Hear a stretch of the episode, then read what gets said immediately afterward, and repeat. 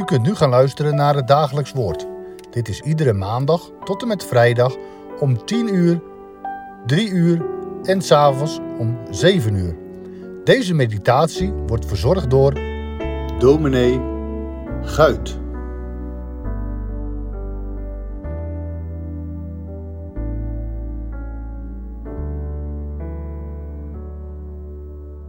Ik lees met u enkele versen uit de Bijbel en wel Handelingen 13, vers 38 tot en met 42. Laat het u dan bekend zijn, mannen broeders, dat door hem aan u vergeving van de zonden verkondigd wordt. En dat een ieder die gelooft door hem gerechtvaardigd wordt van alles waarvan u door de wet van Mozes niet gerechtvaardigd kon worden. Pas dan op dat u niet overkomt wat er gezegd is in de profeten Zie, verachters, verwonder u en verdwijn, want ik verricht een werk in uw dagen, een werk dat u niet zult geloven als iemand het u vertelt. En toen de Joden weggegaan waren uit de synagoge, drongen de heidenen erop aan dat op de volgende sabbat dezelfde woorden tot hen gesproken zouden worden. De apostel Paulus en zijn metgezel Barnabas zijn in Antiochië aangekomen. Daar gaan ze naar de synagoge op de Sabbat zoals wij op zondag naar de kerk gaan. Althans, als we daartoe in staat zijn. Zij wachten op de gelegenheid om te mogen spreken. En pas wanneer de oversten van de synagoge daartoe uitnodigen, neemt Paulus het woord. Hij houdt een indrukwekkende reden. Het is te vergelijken met de Pinksterrede van Petrus. Beiden laten vanuit het Oude Testament zien dat alle profetieën van het Oude Verbond in Jezus van Nazareth hun vervulling hebben gevonden. Paulus laat de geschiedenis van Israël de revue passeren en stelt dan duidelijk: God heeft zijn verbond met Israël opgericht met de bedoeling zijn gemeenschap met Israël tot uitdrukking te brengen. En die gemeenschap kon alleen ten volle ervaren worden in en door de Messias. Wel nu zegt Paulus, die Messias is Jezus Christus. Hij is de enige weg waardoor we tot de Vader kunnen gaan. Paulus haalt daarbij ook nog Psalm 2 en Psalm 16 aan om te laten zien dat die in Christus hun vervulling hebben gevonden.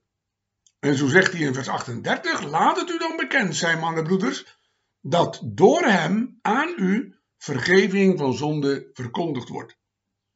Jawel, heeft de heiland het niet gezegd? Wie in mij gelooft, heeft het eeuwige leven.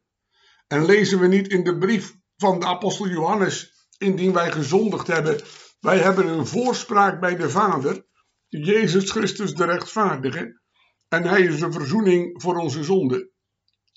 Wij zijn alle zondige mensen. Ook al leven we fatsoenlijk en naar de regels van de wetten die over ons gesteld zijn. En toch leeft de kiem van de zonde in ons. Immers, wij zijn in zonde ontvangen en geboren. En we maken de schuld tegenover de Heer alleen maar groter door onze dagelijkse zonde. Maar nu zegt het evangelie dat er vergeving voor onze zonde te vinden is door de Heer Jezus. Hij heeft zijn bloed op Golgotha gestort, opdat wij van alle zonden vrijgesproken zouden worden. Dat bloed reinigt van alle ongerechtigheid. Paulus houdt het zijn hoorders in Antiochië vrijmoedig voor. Geloof in de Heer Jezus Christus en u zult vergeving van zonde ontvangen. Vervolgens lezen we in vers 39 en dat een ieder die gelooft door hem gerechtvaardigd wordt van alles waarvan u door de wet van Mozes niet gerechtvaardigd kon worden. Dat woord rechtvaardigen gebruiken wij meestal niet meer. We kunnen ook lezen vrij spreken. Dan krijgen we de volgende lezing. En dat een ieder die gelooft door hem vrijgesproken wordt. Van alles waarvan u door de wet van Mozes niet vrijgesproken kon worden. Jawel, de wet veroordeelt en verdoemt. Het evangelie spreekt vrij brandofferen nog offer voor de schuld, voldeden aan uw eis nog eer. Toen zei ik, dat is Jezus Christus, zie ik kom, o Heer. Hij is gekomen in Bethlehem.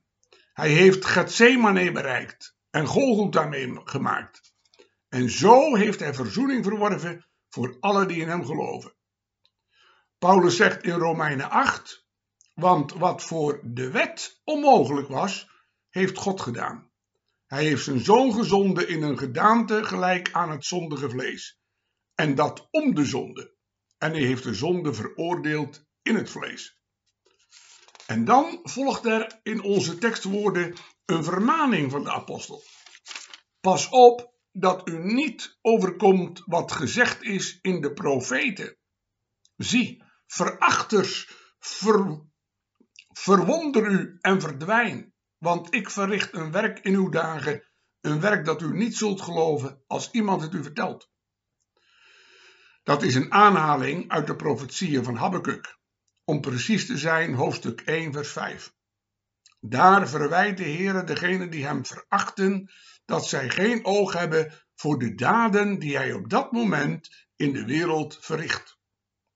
En dan doelt de Heere op de verovering van de Babyloniërs, die door de profeet als een oordeel over de volkeren worden gezien. Paulus past dit woord toe op de situatie van de Joden in Antiochië. En nu valt de nadruk op de woorden: een werk dat u niet zult geloven als iemand het u vertelt. Daarmee bedoelt de apostel de komst van de Heer Jezus naar deze aarde. Hij dringt daarom ook aan op geloof en bekering. Want als mensen niet tot geloof in Christus komen, worden ze geoordeeld en gaan ze verloren. Wij zagen dat Paulus en Silas bewust naar de synagoge waren gegaan, de plaats waar de Joden samenkwamen. Dat deden ze overal waar ze kwamen. Eerst spraken ze de Joden aan en daarna de heidenen. Wanneer Paulus en Silas naar buiten gaan, omdat de dienst in de synagoge afgelopen is, blijkt dat mensen aangesproken zijn door de boodschap die ze hebben uitgedragen. En het zijn met name heidenen die Paulus verzoeken dat op de volgende sabbat deze woorden ook tot hen gesproken zouden worden. Blijkbaar hebben zij van die boodschap gehoord. En uiteindelijk komen vele heidenen tot geloof en bekering. Zoals we op vele andere plaatsen in de handelingen der apostelen ook kunnen lezen. Terwijl de meeste Joden de boodschap van het evangelie afwijzen. Het is, zoals wij vroeger wel zei, het evangelie is een reuken des doods ten dode of een reuken des levens ten leven. Is het ook voor u al een reuken des levens geworden? Als dat zo is, zult u de Heere gaan dienen, beleiden en groot maken. Nog staat de Heere klaar met uitgebreide armen en hij zegt, wie tot mij komt, zal ik geen zins uitwerpen. Amen. We willen nu samen de Heere danken en bidden.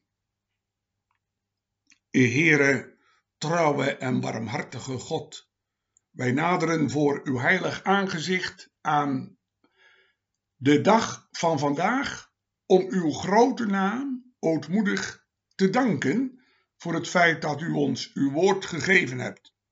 En dat dat woord voor ons mag zijn de bron van uw openbaring.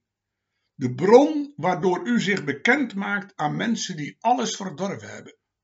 Wat een wonder van uw trouw. Geef dat wij dat woord mogen onderzoeken, nauwgezet en steeds opnieuw, maar dat we ook naar de verkondiging van dat woord steeds mogen luisteren. Want het behaagt u toch om door het woord en door uw geest het geloof in het hart te werken en vervolgens te versterken. Heren, wilt u dan ook geven dat het woord dat vanmorgen gesproken is, tot zegen van velen in de gemeente mag zijn. Gedenk ons ook in de situatie waarin wij ons bevinden. Als we ziek zijn, als we pijn lijden, als we met rouw vervuld zijn, als we onze levenspartner verloren hebben. Sterk ons daarin, troost ons daarin, wees ons een God van erbij. En doe ons bovenal zien op de Heer Jezus Christus, die tot zijn kerk gezegd heeft: Ik leef en gij zult leven.